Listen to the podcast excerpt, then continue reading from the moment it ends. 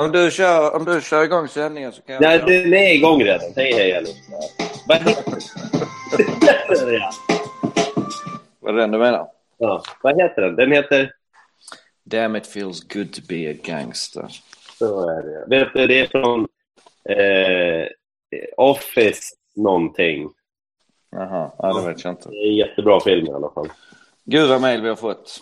Ja, vi har det va? Mm.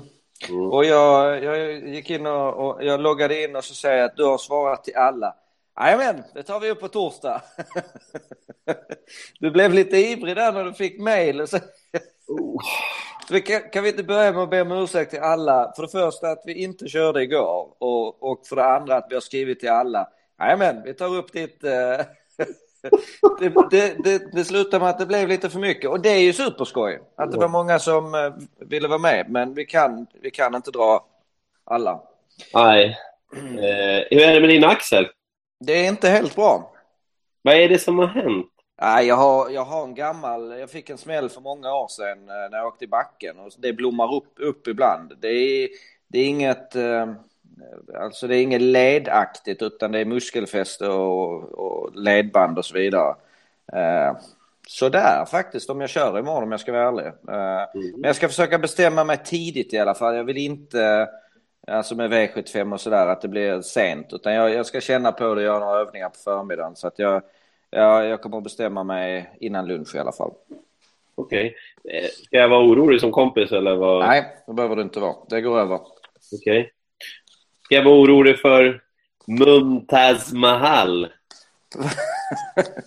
ja, men det kanske vi ska berätta att vi har ju en följd tillsammans. En helsyster till Maharaya som fick ett eh, födelsedag i veckan. Nej, för inte fick ett fölstod. Den fick ett storföl. fick ett storföl. Eh, det var skoj. Grattis! Grattis. Grattis. Och sen fick ju faktiskt Jackie Glide ett hingstföl efter uh, Muscle Hill eh, veckan innan. Wow. Så, mm, spännande. Spännande grejer. Mumtaz Mahal, det är arbetsnamnet på det här lilla storfölet. Mumtaz Mahal, det var någon... Ja, det var till hennes ära i alla fall som det här Taj Mahal byggdes. byggdes. Det, det är ditt spår. Jag är med på det om du vill. Jag gillar, jag gillar de där när man funderar på namnen. Jag, jag, jag, jag tror fortfarande att en, ett dåligt namnval kan göra att hästen inte lyckas. Jag är helt övertygad om det. Ja. Du, eh, vi hade fått eh, en del frågor där som ville att vi skulle prata om den Fattar jag det rätt som att det var den akuta hästbristen i Sverige?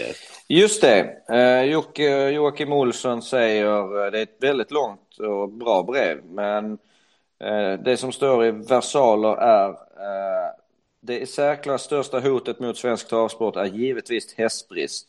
Och varför i helvete gör inte någon något åt det här? Eh, och att det är tunt med hästar i loppen, det är Eh, Kolla bara på Jägersro och Åby. Loppen innehåller 69 hästar och så vidare. Men du, du har kollat lite på det va? Alltså, jag... Vi vill först säga nu då. Eh, Erik, du sitter i STs styrelse. Att jag gillar svensk travsport och att jag jobbar på kanal 75, det fattar ju alla. Så att ni får ta det här som ni vill med partsinlaga och så vidare. Vi försöker, jag och Erik, att ha bara fakta nu på bordet som ni får ta ställning till, som, som lyssnar på det här. Jag ringde faktiskt och pratade lite med Lutfi Colgjini om det här. Mm. Och han, jag uppfattar det som att Lutfi, ja men inte kanske, inte blev paff, men att han, han hade ju ändå koll på siffrorna, men att det kanske inte var fullt så jävligt som han först tyckte liksom.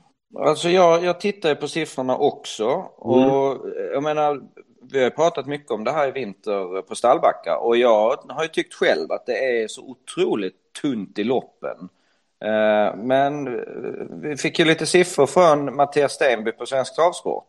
Ska, vänta, ska jag dra först bara hur det ser ut med antal? Nej, jag, jag, jag tänkte bara säga att Ja. alltså, alltså, när jag läste de siffrorna så blev jag väldigt förvånad. Och det var nästan som att det har blivit...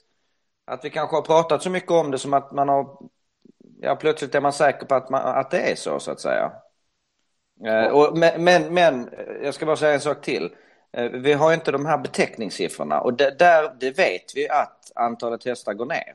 Det är inte i kallbloden. Nej, men varmbloden pratar jag om. Vad menar du? Vad är det där? För är det bara varmbloden som räknas eller? Nej, men det är oftast det jag pratar om.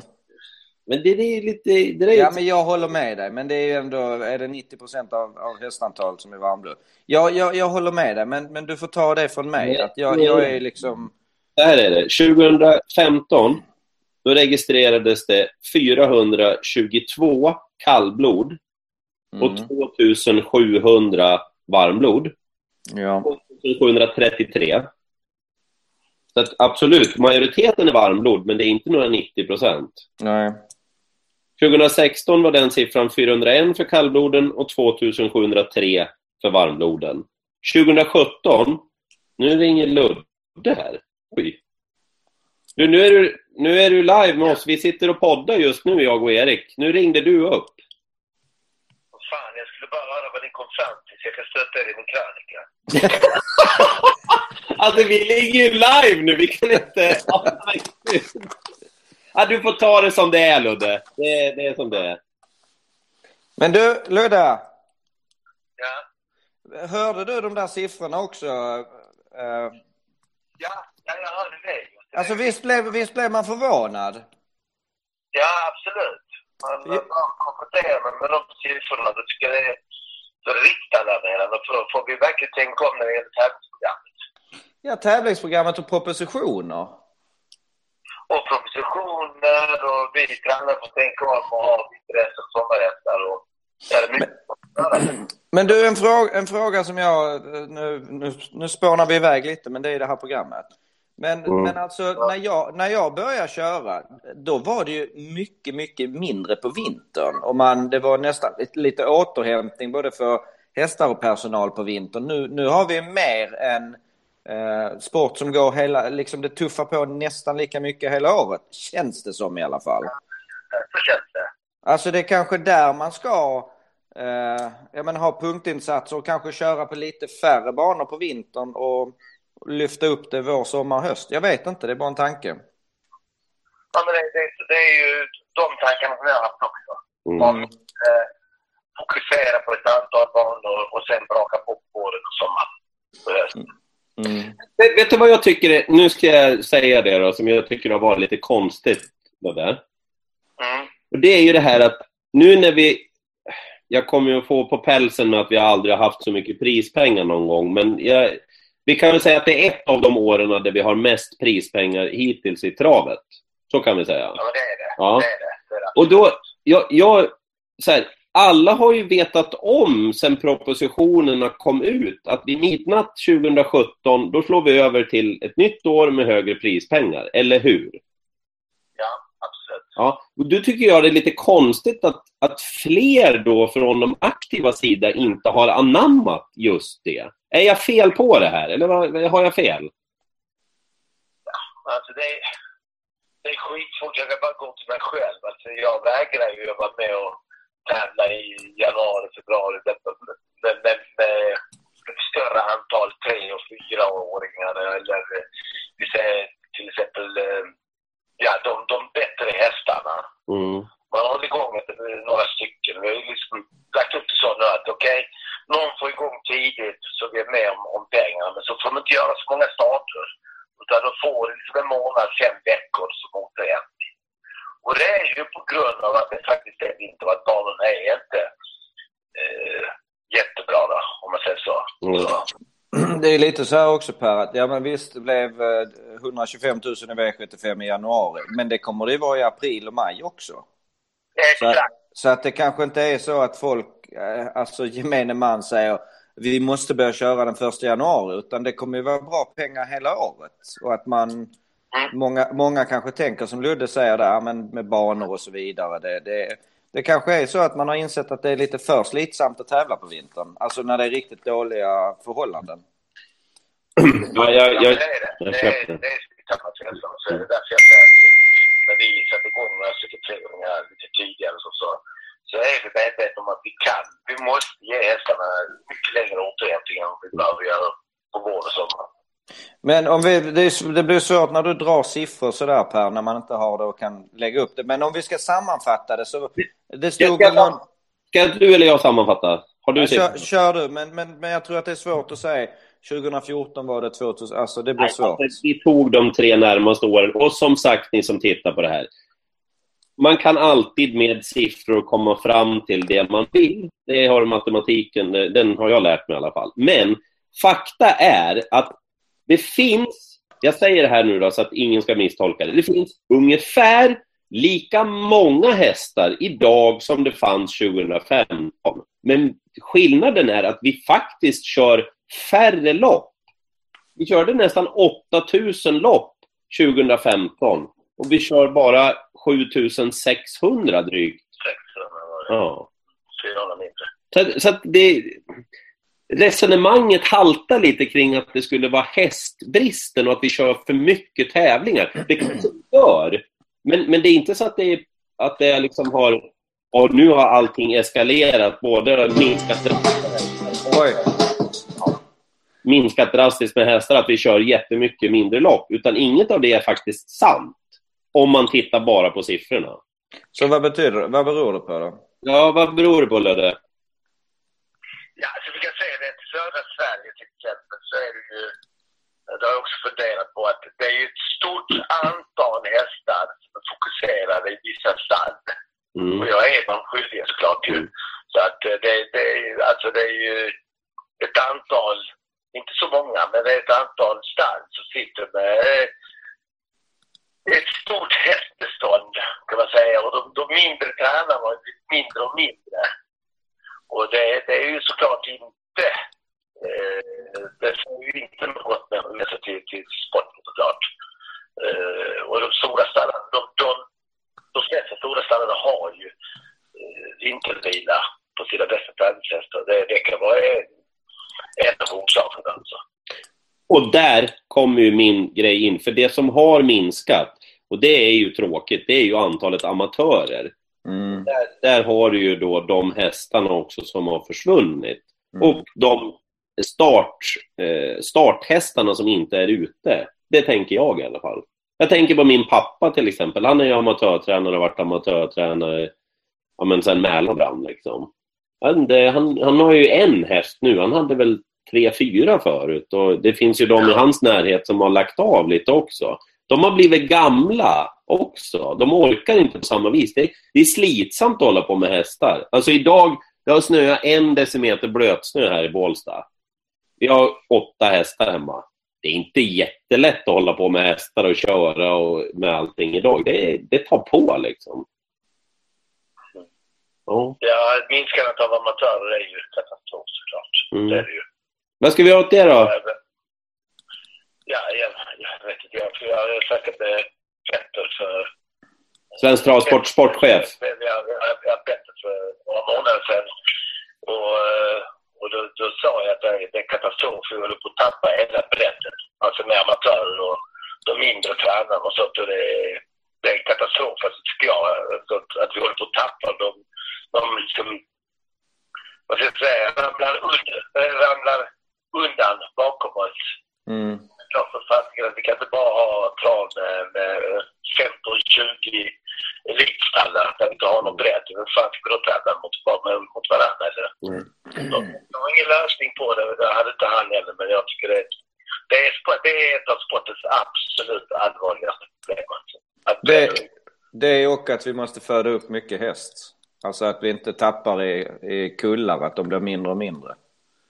Mm. Ja, men där, där tycker jag inte man kan skylla på, på SD i alla fall. De har, de, det, det, Sverige är världens absolut bästa land att föda upp häst i. Varför säger du så? Varför säger du så? Du som har fött upp hästar i USA och Frankrike och ja, halva Europa, ja, att, att Vi har ju fått ökade uppfödarmedel både för två, tre och fyraåringar. Vi har 20 procent uppfödarmedel och det är helt fantastiskt. I Frankrike har man 15. I USA har man noll. Mm. Och den har man kanske 8-10. Vi har 20 i Sverige på 2, 3 och 4-åringar.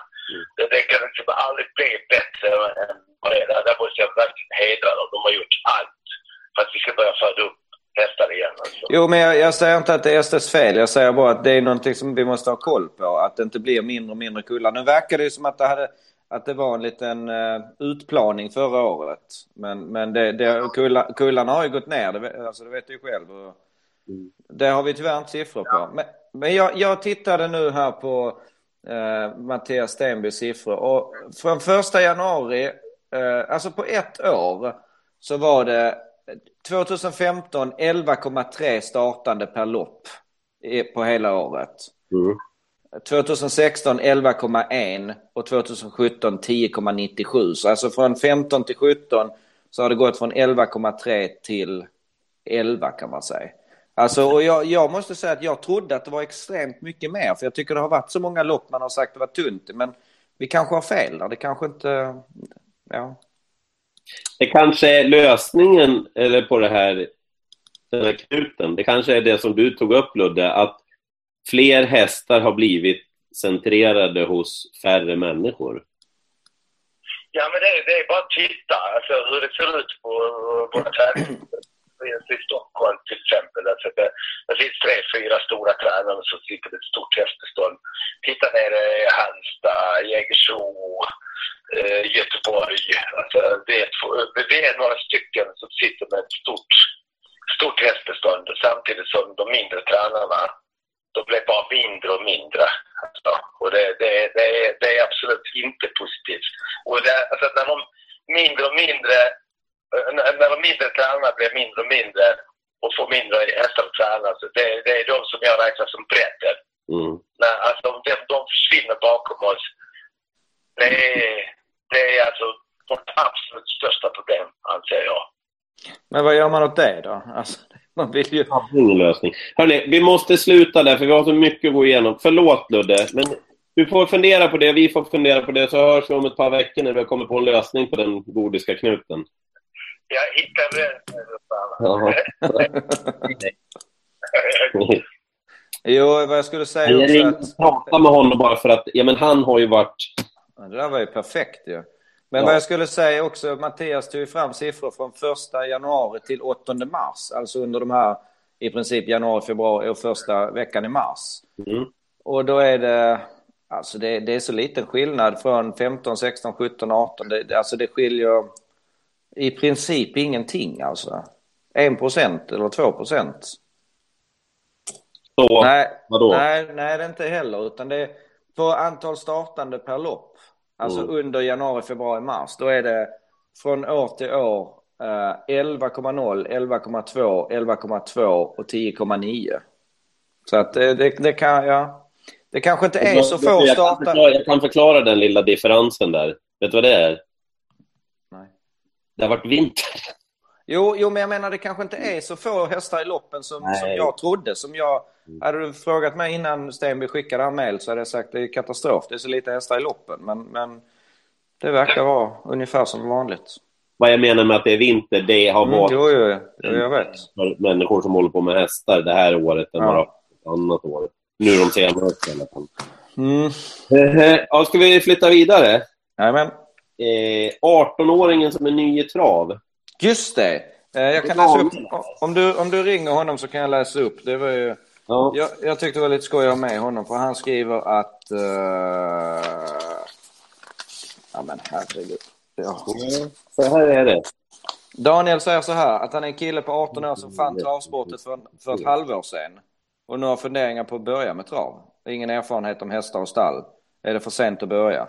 Jag tyckte det var så roligt att vi har en 18-åring som kliver in så jag skulle vilja prata med honom. Det ska vi göra.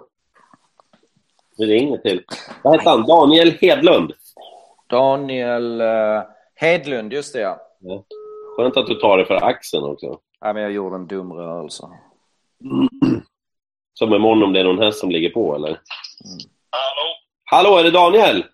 Jajamän. Hej Daniel, det här är Per Skoglund. Tjenare. Och det här är Erik Adielsson också. Hej Daniel. Naja.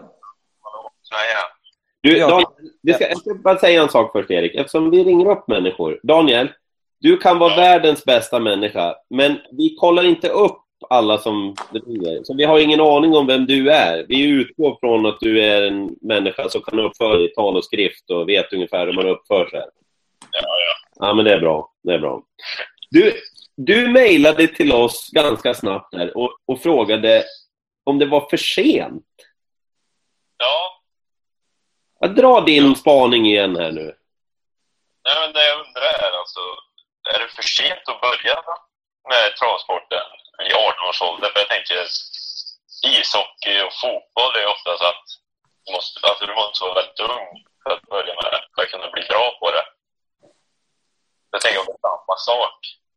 Jag tror inte det är för sent. Jag tror att du, du, du har en stor fördel. Har du hållit på mycket med djur överhuvudtaget? Nej, Nej. Alltså jag tror att man har en fördel om man har hållit på med djur och en extra stor fördel om du har hållit på med hästar tidigt. Men det är, det är absolut inte för sent. Det är, det det- Per, du har säkert någon sån där bra... Äh, Mika, Mika Fors, Finlands bästa kusk just nu. Han började ju väldigt sent med själva löpkörningen och alltså häst, att gå in för hästar. Han var ju en bit över 20 när han liksom på allvar började satsa och han blev ju ganska snabbt duktig kusk. Eh, framförallt då, nu är han ju Finlands etta, så att nej, det, det säger jag inte att det är för sent på något vis. Och dessutom, jag, jag, ska, jag ska säga så här. Du är ju fortfarande, jag är, oh, jag är dubbelt så gammal som du är. Eh, man lär sig så fort den första tiden med hästar skulle jag säga. Erik, du får rätta mig om jag har fel. Jo, men så är det. Du, du kommer väldigt snabbt i kapp. Det handlar bara om du har känslan för djuret eller inte. Var bor du någonstans, Daniel? Jag bor i, på Hammarö, lite utanför Karlstad. Ja, men det är bara att ringa, det är bara att ringa Björn. Ja, Nej, men sk- skämt åsido, alltså det är inte för sent, eh, men, men och, eh, ring till någon eh, som, ja det är svårt att säga Per, vem man ska ringa till. Men, Ring Färjestadtravet. ja, gör det. Ta kontakt med Johan Amsköld till exempel. Ja. Eller Ken Karlsson. Det, men jag, jag skulle nog rekommendera kanske in, antingen in och braka in om de har någon bra travskolekurs. Men annars se om du kan få kontakt och, komma ut i något stall och bara hjälpa till helt enkelt. Börja på, jag tror inte det är så att du får anställning direkt utan eh, eh, du får, du får nog vara beredd att under ett tag eh, eh, se och lära och, och liksom gå i stallet på, på ideell basis. mm. Men vad, jag måste fråga. Hur, Vänta, vänta, vänta, vänta, vänta. Vad sa du Daniel? Varifrån? jag, jag hade ju skickat iväg ett mejl till Färjestadtravet och frågat Mm. om. Fick jag ett svar idag att eh, kurserna går på torsdagar så nästa torsdag ska jag gå på första kursen. Kan inte du mejla oss och berätta hur det var? Ja, ja det kan jag göra. Jättebra. Men, men hur, hur hittade du travet? För det står att du fann travsportet för ett halvår sedan. Hur, hur kom du in på det? Det började ju med, det var morfar. Morfar har varit, varit eh, inom traven och spelat och varit, haft kontakter inom ja, Färjestadtravet där. Ja, gick runt där. Och sen så, så ja, slutade jag med hockeyn och visste inte vad jag skulle göra. Så kollade jag lite på trav och tyckte att det såg, såg roligt och intressant ut. Så, Ja. jag blir lite varm i hjärtat måste jag säga. Vi, vi, vi behöver sådana som dig Daniel. Vi behöver nya unga människor in i travet. Jag, jag tycker det är superskoj. Och det hade varit riktigt roligt om du skriver ett mejl och berättar dina första intryck av kursen. Ja, ja. Det, det, det som är så, jag är så fast vid det, alltså, just att det med djur och så. Det är ju ändå, jag kan tänka mig att det är mycket strategi, alltså Mm. i den och sånt. Jag kan, jag kan säga så här att jag har träffat ganska många som eh, när de har kört häst första gången, både i dubbelsulke och när vi gjorde det här stjärnkusken. Och eh, utan att jag ska dra upp dig för mycket så tror jag att du kommer gilla det ännu mer än vad du tror. Du kommer tycka det är ännu roligare än vad du tänker dig faktiskt. Det är, jag, väldigt många tycker det i alla fall. Ja, jag har ju suttit och kollat på stjär- stjärnkusten kusken och försökt lära mig så mycket som möjligt. Ja. ja du, du, kommer lära, du kommer lära dig mer på en kvart i stallet än vad du lärde dig på två eh, säsonger i Stjärnkusken. Så, så är det ju. Alltså, jo, men det är ju så när man är på plats och verkligen får komma nära djuret. Men jag, ja, jag, jag, jag tyckte det var jätteroligt. Mm. Ja, vad roligt. Du, hör gärna av dig igen, så kanske vi ringer igen också för att höra hur det går för dig. Ja, jag kan, jag kan höra av mig. Ja, det är bra. Nej, men... Härligt. Hej, hej. Bra, bra. Hej. Ja, det där var ju... Det är bra. Ja, verkligen. Som sagt, varm i hjärtat blir man ju. Förlåt att jag håller lite på telefonen, men vi har faktiskt en dagordning också som vi. Okej, jag kör. Nej, säg du. Säg du. Jag skulle bara ta fram dagordningen. Uh, ska jag gå vidare till ett mejl? Uh, Sandro Larsson, ska vi ringa honom? Han tycker att Elitloppet ska vara åtta kvallopp och åtta inbjudningar. Eller vill du ringa Malmrot och fråga vad han tycker om det? Malmrot? Han sitter på en restaurang i Nice, det vet jag. Helt själv han också. Perfekt, ring honom. Ja, men vi pratar, jag kan säga det redan nu, jag ringde till Anders lite. Anders och jag är ju jättebra vänner. Eh, han bor ja, 700-800 meter, en kilometer från mig kanske. Eh, det kom ju fram idag då, jag hade inte koll på det, att han René Arbicher som tränar Usajos län, att han på något vis var inblandad kring eh, Jacques de Beloé där, veterinär på distans. Jag vet inte, jag har bara läst artikeln i travronden. Eller på trav... Har du läst den eller? Jag har missat det. Vad stod det, sa du? Eh, Travronden.se har jag läst det. Jag, jag, jag, jag, kollade igenom det. Ja, ja, men jag, jag kan säga så här. Jag tycker att... Eh, eh, jag gillar ju att, att man har en tankar, men att vi skulle ha åtta kvallopp och åtta inbjudningar till Elitloppet. Jag tycker man tappar grejen då. Jag, jag gillar ju det här med inbjudningar. Att, eh, att det är någon som ja, får sätta, koka soppan. Och sen, ja, sen är det ju otroligt lätt att eh, det ramlar med någon häst som kanske tar en plats som den inte riktigt skulle ha om du förstår vad jag menar. Så att jag, nej, jag, ett par uttagningslopp tycker jag är bra men inte för många. Det är Nej. min. Det är min. Nu, nu, är han mitt i, nu är han mitt i filé mignonen här. Hallå? Hallå? Hallå? Hallå? Bonjour! Nej, det där kan vi glömma. Nej. Mm. Det var Anders är, det är fredag kväll. Låt honom vara i fred. Går du vidare, går du vidare med dagordningen? Mm, yes, box.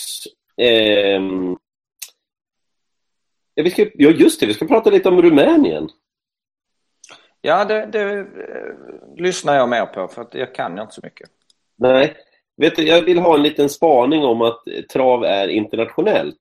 Alltså Mm. nu, det var ju bara någon vecka sedan här som Maori Time. Såg du det? Förlåt? Såg du Maori Time? Nej? Det var en australiensisk häst som ja, mer eller mindre slaktade rekordet för den ja, södra hemisfären. Nio Aha. och sprang den. Oj, nej, det har jag faktiskt missat. Ja. När var det? När var detta? Ja, och jag kan ha varit tre, veckor sedan kanske. Alltså, ja, strunt samma. Det var liksom ett tecken på att, ja just det, det travas lite på andra ställen. mm. Jag var in på en rysk sida och kollade på typ rysk ATG Live, kan man säga. Mm. Ja, och lite... Nu ringer Malmrot här. Hej Anders!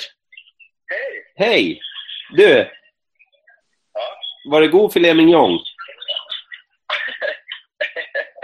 Det här är restaurangbesöket på. Trots allt. Va? Det är precis då man ska. Jag kan verkligen ångra att man inte kan franska kan jag säga. Det var, vad fick det var, du? Det var väldigt mycket invecklat. Det var en eh, två kypare som inte hade ett ord engelska i sig med eh, en eh, östersundare som typ kan säga très bien och bonjour. Oh. Jag trodde jag hade beställt en filé mignon, men det kom in en fisk. Eh, och eh, jag har satsat på en glacé som jag fick på Mota som jag aldrig fick. Och så ska jag förklara det för dem också. Men eh, ja, ja.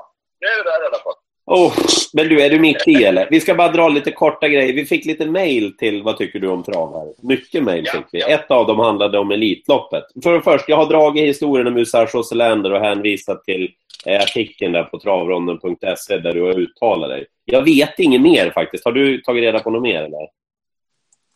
Nej, nej, det har jag inte. Jag har, eh, eh, ska prata med eh, ST på måndag. Ja, perfekt. Då får vi se vart det tar vägen någonstans. Jo, det är Sandro som hör av sig. Erik ska få berätta här. Eh, Sandro, han tycker att eh, vi, förkortningen skulle köra... Förkortningen av hans mejl är kan vi inte köra åtta försök och åtta inbjudningar till Elitloppet? Köra åtta, Försök, åtta kvallopp och åtta, inbjudnings, åtta inbjudningar och åtta kvallopp. Hur många kvallopp är det nu förresten? vart är det nu? Nej, hur många kvallopp är det nu? Tre, tre. Ja. Sandro, vill, Sandro, Sandros förslag är åtta. på Finlandiajo. Så att man utökar dem alltså med fem. Mm. Eh, vad har han förslag på vilka det skulle vara, vilka lopp det skulle vara? Nej. Det är Hans förslag är att det blir mer race liksom, mot Elitloppet. Att det blir liksom Ja, ett race ja. mot Elitloppet. Det gillar Just, Sandro. just det. Och större chans för den mindre tränare att få med en häst, skriver Sandro. Mm. Ja, det är inte... Det gäller ju bara att hitta de där loppen så att eh, man vet att man får den där kvaliteten som man vill ha i Elitloppet. Mm. Det är ju det jag är lite grann sådär. Jag har ju varit eh, sådär på de här loppen nu som är. Ja, man vill ju verkligen veta att det är den här topphästskiktet som kommer att tävla i de loppen där man har de här försöken. Eh, så att åtta vet jag. Men jag, jag köper tanken kring det hela. Absolut. Så här, om jag bara får säga lite Mm. kort. Jag tror att vi tre, för oss är ju Elitloppet heligt. Alltså det är, det är mark som man inte trampar på normalt sett. Sen, sen finns det en ganska stor grupp av människor som har en anknytning till Elitloppet, där Elitloppet är en fest. Och där de känner att, ja visst, det är väl kul att se den och den hästen, men har de, kan de följa en häst fram till och få en koppling till den? Någon som har startat på V75 som sen startar till Elitloppet. Jag tror att ibland så underskattar vi den faktorn, alltså igenkänningsfaktorn. Vi tycker att det är asballt med en cool häst som vi vet om ifrån, vi säger Frankrike. Men det är inte säkert att folk tycker att det är lika häftigt. Ha- Harry Haythrow kan vara viktigare. Ja. Ja, det, det är jag helt inne på också. Men jag vill ju samtidigt inte åtta här hejtro, om ni fattar. Nej, nej. nej. Och sen, När vi pratar plats 14, 15, 16 där, då ser jag absolut värdet i att det är en häst som folk känner igen, att det finns ett engagemang kring det och man kan bygga upp det på något vis på det viset. Men jag är lite rädd att om det blir typ, vi pratar åtta försök nu då, att det hamnar på den nivån, att man inte får den där kvaliteten som jag vill ha i alla fall. Och jag förstår absolut värdet i att man får med sådana ekipage, men då kommer det på slutet, ja, just nu i alla fall. Det är kanske lagom med de där tre. Ja, ja. Jag, jag tycker ändå att rösten från Sandro är värd att väcka. Alltså, att Ja, absolut. Också. Du, eh, Anders, avslutningsvis. Mm. Det blir fint väder i helgen där i Nice, va? 50 millimeter var sista gången jag kollade nu eh, på söndag. Det ska ju sluta regna klockan två, och den rapporten jag fick nu. Okej. Så att det, ska ju, det ska ju vara en vattentunna som vräks ner fram till det. Men det. Och jag vet inte riktigt, har du kört Erik i, i när det har varit? Nej, inte när det har varit sånt där riktigt eh, busväder. Jag vet inte hur banan eh, tål så mycket vatten. För det, det, varit- när det har varit extremiteter och runt väder och sånt så har man ju sett att de är inte lika bra här nere som vi är vana vid hemma. Du såg ju där i Fridhemsfrans-helgen när de saltade och var på snön till exempel. Så det är ju lite sådana farhågor man har. Ja. Men det är ju en annan, de är inte vana vid det på samma vis. Och hur skulle de kunna ha den kunskapen? Det är ju... Ja, men på regn kan de väl klara sig, tycker man. Snö var det nu. Ja, jo, jag vet, men vi pratar i regn nu till helgen väl? Det är Absolut. väl, det är, väl- det är väl inte snö i Cannes, hoppas jag? Alltså, det, det, vad stod det? Vad stod det? Eh, 50 millimeter snö. Ska vi låta stackars Anders eh, njuta av sin eh, Ja, fisk, absolut, fiskmignon då? Bird Parker vann kriterium de vitesse på 22 och 4. Björn vässade formen i alla fall. Han vann precis med Carrett på kanten där. De kör ju nu ikväll. Ja, snyggt. Ja. Du, vi, vi hörs om vi är sju imorgon då. Jag har något bra drag där. Jajamän. Ja, hej, hej. Det är bra. Det var ju taskigt. Du kunde ju, för tittarna, du kunde ju låtit honom lämna en. Vadå? Du kunde ju låtit honom lämna ett drag till imorgon. Det var ju... Nej, det var jag som hade... Ja, Anders tror jag inte har slagit upp programmet. Ja, är ny. Du, eh, tiden? Eh, Den är 34, så det är nog ingen fara. Dagordningen? Du var inne på Rumänien. Rumänien? Jo, jag pratade om Maritime där. Eh, pratade. Och att travvärlden är så bred. Så vi ibland glömmer bort att det finns trav på fler platser än USA, Frankrike, Sverige, Finland, Norge, Danmark till exempel. Det finns ju trav på många ställen. Tänkte bara vi kort skulle skicka in en person här, om man svarar nu. Det är nämligen så att Peter Andersson som arbetar med oss, hans fru är från Rumänien. Och han har kollat upp lite... Abonnenten du försöker nå kan inte ta ditt samtal just nu. Men Amen. du kan lämna Amen. Och så försvann Erik också av alla. Jag kommer, jag kommer. Ja. Vad gör du? Jag läser ett sms. Då lär du nästan berätta vem det är ifrån när du håller på sådär. Nej, det går inte just nu. Ja, okej. Det, eller det går, men det är, det är inget som någon är intresserad av. Nej. Vad sa vi? Inget, inget, vi väntar med Rum- Rumänien och ser om han ringer tillbaka och går vidare då. Ja, vi hade fått ett mejl där från, eh, jag kommer inte ihåg vad avsändaren var, om det var någon skillnad, Erik, på att köra ett sto och att köra en hingst eller vallack. Alltså... Kanske att hingstar och vallacker är lite tuffare, att de har lite mer tuffa lopp i sig. Eh, att de kan göra x antal tuffa lopp innan de inte tycker det är eh, lika roligt längre. Men det, jag får ju säga att det där är, det är så olika, för det finns hingstar och vallacker som inte, som inte tycker om att tävla i första loppet. Och så finns det ston som ja, men Jackie Glide som, som hon, hon såg aldrig de vita pinnarna. Där, liksom, hon, hon, hon var ju alltid i andra och tredje spår och, och liksom kämpa som en tok ändå. Så att, nej, jag, jag tycker nu för tiden att de, de flesta, det, det är mer individuellt tycker jag. Okej. Nu ska vi se, nu har han ringt upp här. Nu Ska vi se om vi får på honom också. Hallå Peter! Tjena, tjena. Tjena! Du, eh, jag pratar, jag drar, vill i det här programmet lyfta in hur, hur bred travsporten är. Och nu befinner vi oss i Europa och eftersom du är den enda jag känner som kan lite om rumänsk travsport så ska jag utbilda tittarna lite här också. Hur många banor finns det i Rumänien? Ja, men det, det finns bara en bana, men den är på väldigt stark frammarsch. Det är ju så här att eh, den ligger i Ploiești. Det är en stad med 200 000 invånare. Eh, en knapp timme från eh, Bukarest, huvudstaden. Och den byggdes egentligen det var, det var en blomstrande stad, Ploiești, med gas och olja och grejer. Så att, eh, eh det gick bra för banan. Sen när det alla vet hur kommunismen kom och allt det där och, och den förföll. Till slut var det, det var mer en ruin än en travbana, jag har fått förklara för mig.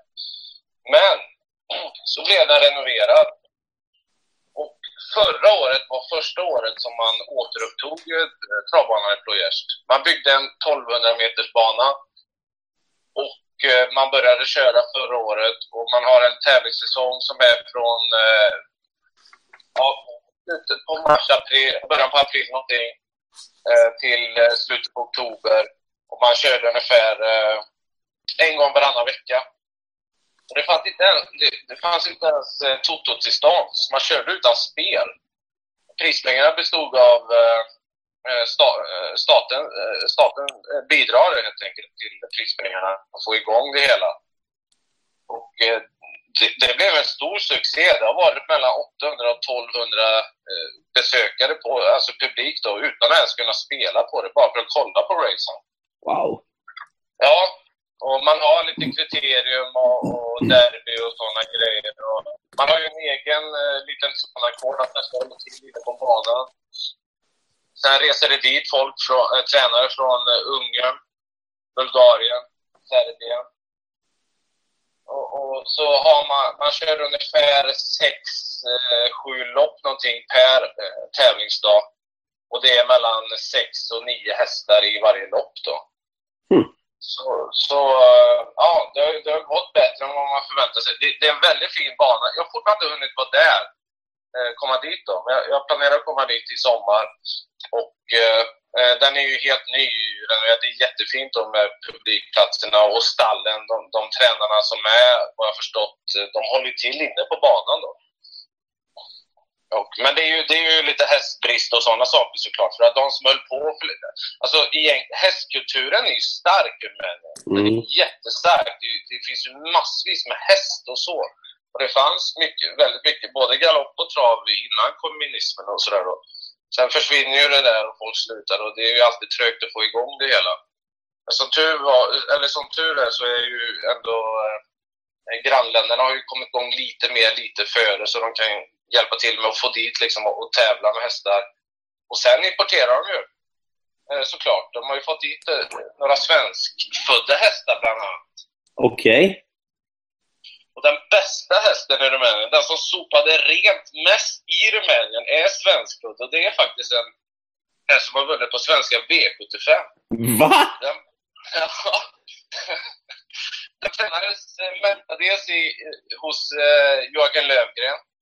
Den var sen också hos Peter, Peter Untersteiner i rätt så många starter. Men framförallt hos Joakim Lövgren. Och det var där den vann på V75. Den vann två rikslottolopp. Men det var ett av dem på V75 och det var ett lärlingslopp.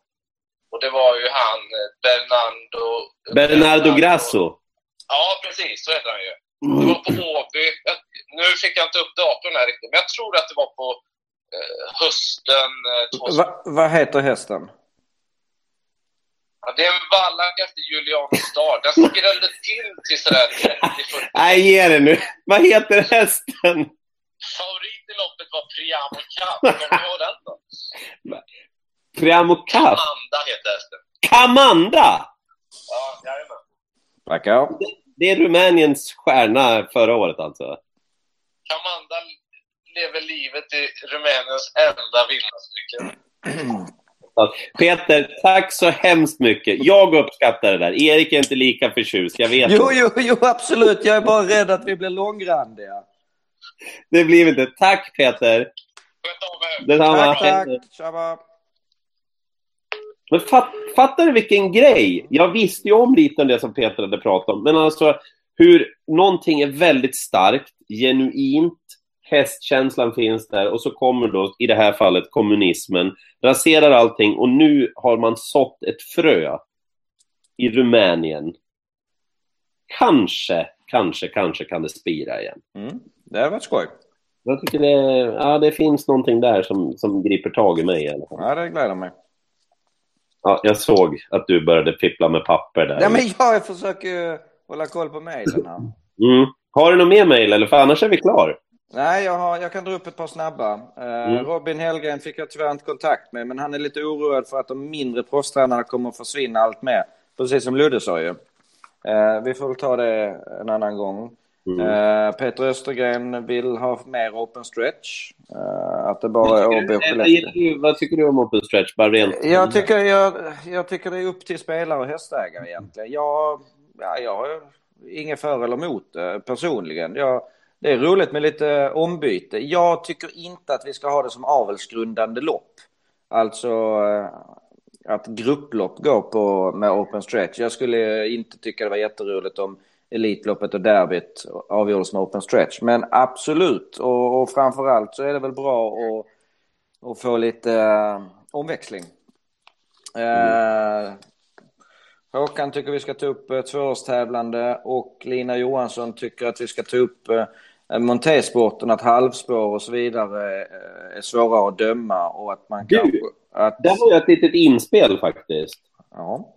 Jag tittade bara lite snabbt Lina Johansson. Jag förmodar att det är den Lina Johansson som rider eh, mycket lopp och som arbetar på travskolan på Solvalla. Mm, det står att hon har varit eh, aktiv i Monté i många år, så det kan det väl vara. Ja, och det är Lina Johansson från Mantorp. Hon är en jätteduktig ryttare. Och vad jag har hört, en väldigt duktig lärare dessutom. Mm. Eh, jo, att det har blivit mer bestraffningar i de där loppen. Tendensen är tydlig att det bestraffas mer för när man alltså, rider snett på någon, man tar upp ett halvspår och så vidare. Då, kom, då, då, då kommer det gå över, då kommer folk att rätta sig. Men, men vad jag, som jag fattade också var ju just att eh, det är inte många måldomarnämnderna i Sverige som har ridit ett lopp och det, det tycker jag kanske att eh, du eller jag borde, man kanske borde ta det med Staffan Falk som är måldomarbas. Alltså Ja, att, att och, och bjuda upp eh, x antal ryttare och ryttarinnor eh, till måldomarkonferensen så att de får delge sina... För att så är det ju. Det finns ju många olika måldomarnämnder som har eh, före detta aktiva. Vilket är en stor nytta om du har kört lopp. Eh, I alla fall om det är någon i nämnden. Men det finns nog inte många som har ridit lopp så det, det kanske vi ska hoppas eh, Staffan Falk tittar kanske. Tror du? Ja, vi får skicka ett sms att han får titta. Någon får väl dela, för det gör ni väl hoppas jag, ni som tittar på det här. Det kan vi ju säga. Till Det, andra. dela det till andra och uh, mejla in. Mm. Du, man, kan ju, man kan ju bli eh, följare här på Youtube också, har jag märkt. Jag får massa mejl om att folk hakar på. Du är nu följd av... Senast var det Mörkrets första som anslöt. Härligt. Vem är Ja. det? Ingen aning. Men du, eh, eh, nej men det gör ingenting om man har Facebook och Twitter att man delar länken. För att vi, vi är inga experter på marknadsföring då. Nej, och vi Eh. vill inte heller, kan vi väl Jo, säga. det, nej, vi, vill ha Ja, men- hjälp, vi vill ha hjälp av er som tittar och mejla in till vad tycker du om trav at gmail.com. Jag har två saker till som jag vill dra. Mm. Det, det ena är att jag tycker vi ska ha ett helt eget program om starttiden på lördagar. För det, det är många som har synpunkter. Och sen så tycker jag också man skulle kunna ha ett program, och det var Lars Andersson, och sen skulle man kunna ha ett program eh, om vad Jens Pettersson säger. Hur, hur får vi tillbaka publiken till travbanorna? Eh, och sen längre fram vill jag faktiskt ha ett program om det här anmälning av jänkarvagn och skoinfo och så vidare. Vi, vi väntar lite med det för vi pratar jänka... Vi, nej, men, Onsdags hade Final Dream. ja men precis, vi pratade utrustning och så förra veckan men, men om vi fortsätter så lite längre fram. Men V75-tiden och ja, vi har ett par som kan fylla egna program. Du- Hur länge, hur länge har vi pratat? Vi måste lägga på. Eh, det var ingen som tyckte att det var för långt förra gången av de som mejlat in. Av de som har mejlat in är nyckelfrasen där. Touché. Du, mejladressen är Vad tycker du om trav? At snabel alltså. Gmail.com. Gmail.com. Vad tycker du om trav? At snabel Gmail.com. Är ni med? Alla våra ursäkter till eh, de här mängderna som Per svarar till att vi tar det på torsdag och ursäkt att, vi, att det inte blev något igår. Det körde ihop sig både hos dig och mig med lite barn och så vidare. Så att, eh, och, men jag, jag skulle nog vilja flagga för att vi försöker ha det här på torsdagar men vi, att vi inte vill bli hängda om det blir en fredag en, en gång. Ja, ja, ja, ja. Ja. Du kan, Jag kan säga så här, vi hade en diskussion vid halv elva igår kväll om vi skulle köra eller inte. Så så ärliga kan vi väl vara. Och vi kom fram till att nej, båda är jättetrötta, nu måste vi gå och lägga oss. Precis. Ja, det var ju långt ifrån min bedtime. Jag lägger mig mycket tidigare än så. Du, Ja. eh, tack för idag. Tack själv. Glöm Jag- inte, och, glöm inte och, ni som tittar, eh, vad heter det? sprid länken. Det är ju roligare. Och, och, om fler får se det och fler kan delta i samtalen. Mm. Ludde var bra. Det var roligt att han, att, att han Ja, men det ringde. vore helt vansinnigt att han Ja. alla kommer att tro att det är riggat. Men han ringde Ja. till att jag pratar man på dagen. Eftersom det är ju så här att vår sport är stor, men den är också snäv. Och det där är ett komplicerat förhållande. Det betyder att det är en väldigt engagerande rörelse med väldigt många människor som är med och bidrar.